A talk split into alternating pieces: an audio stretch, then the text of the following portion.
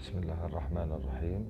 أهلا وسهلا بكم في برنامج صحتك في أكلك وهو عبارة عن سلسلة حلقات رمضانية تختص بالتغذية المناعية وهي عبارة عن وصفات غذائية مدروسة بعناية لكي تزيد من كفاءة جهازك المناعي لأعلى مستوى ممكن.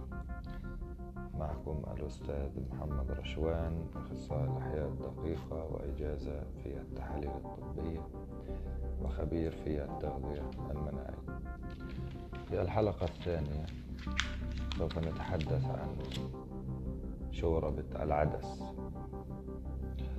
هذه الوجبة كفيلة بأن تجعلك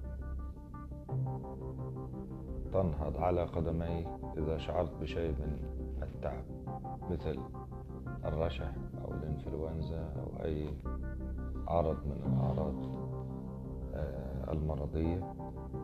وهي وجبة أيضا تساعد على تقليل الالتهابات في الجسم. سوف نتحدث في البداية عن المكونات وهي تكفي لأربع أشخاص. آه، في المكونات هناك ملعقة ممسوحة من زيت جوز الهند آه، وأيضا بصلة مفرومة وثلاث فصوص من الثوم مهروسة ومقدار نصف كوب من الكرفس المهروس وملعقة كبيرة من الزنجبيل على هيئة بودرة وملعقة كبيرة من الكركم وملعقة كبيرة من بودرة الكاري وملعقة كبيرة من الكمون. وكوبين ونصف من الخضروات المخزنة في البيت أي نوع من أنواع الخضروات. خيار طماطم أي نوع من الخضروات خيار. وأيضا نصف كوب من العدس الأخضر. وليس العدس الأحمر الذي يسمى المجروش إنما العدس الذي نقصد هو العدس الأخضر. الكامل الحبة الكاملة من العدس.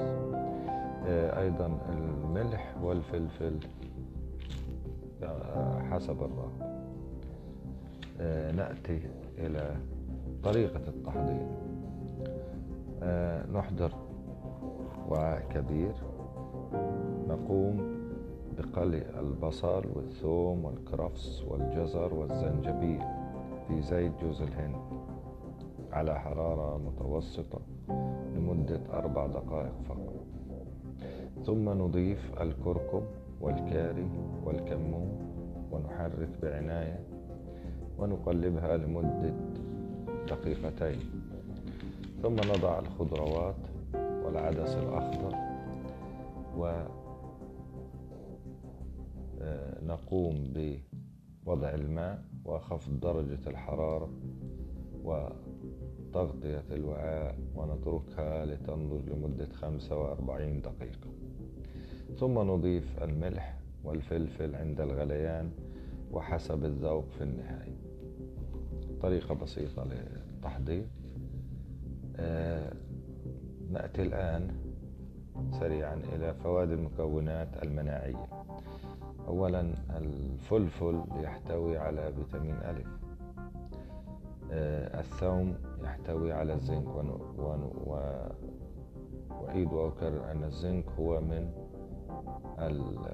العناصر المكونة التي تعزز الجهاز المناعي الزنك وفيتامين سي وفيتامين بي وإي وعنصر السيلينيوم. هذه مكونات أو دواعم أو أساسيات الجهاز المناعي في الغذاء آه، الثوم يحتوي على الزنك ويحارب البرد والسرطان. الجزر الجزر آه، يحتوي على فيتامين ألف وباء وجيم وإي A وB وسي وإي وأيضا يحتوي على الزنك. البروكلي آه، غني بمضادات الأكسدة والفيتامينات ويحتوي على ثلث الكمية الموصى بها من فيتامين A ويعزز أيضا جهاز المناعة. وتحدثنا عن مضادات الأكسدة لأنها تحارب الخلايا السرطانية في الجسم. وإذا كان الغذاء يحتوي على مضادات الأكسدة فإنه يعزز المناعة. العدس يحتوي على السيلينيوم وعنصر السيلينيوم هو عنصر يحفز الجهاز المناعي بقوة.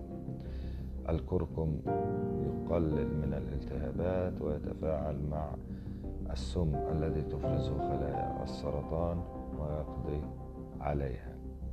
الزنجبيل هو مضاد للالتهابات في الجهاز التنفسي.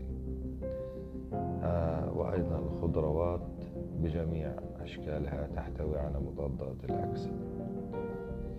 آه لقد انتهيت. آه أتمنى أن تكون أن أكون قد أفدتكم. ولو بشيء قليل. في الحلقة القادمة سوف نتحدث بإذن الله عن آه، كباب السلمون. كباب السلمون.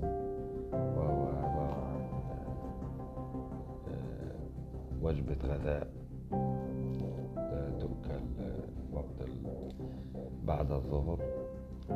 وتكفي لأربعة أشخاص آه، وهي مفيدة جدا للجهاز المناعي وتحتوي على العديد من العناصر أيضا. أريد الآن آه، أوجه لكم رسالة بأن تحافظوا على صحتكم من خلال الغذاء الذي تأكلوه. آه، وأن تكونوا واعين في وعي كامل لما تأكلوه ابتعدوا عن الأكل المعلب آه، اشربوا الماء الكثير آه، ابتعدوا عن التدخين والكحول وأي شيء يضر بالجسم أتشكركم في النهاية. أرجو ألا أكون قد أطلت عليكم. شكرا جزيلا لكم. تابعوني آه، في باقي حلقات. آه، صحتك في أكلك في رمضان وإذا عجبكم سوف أستمر في ما بعد رمضان. شكرا جزيلا لكم ولا تنسوا دعمي على منصة باتريون شكرا.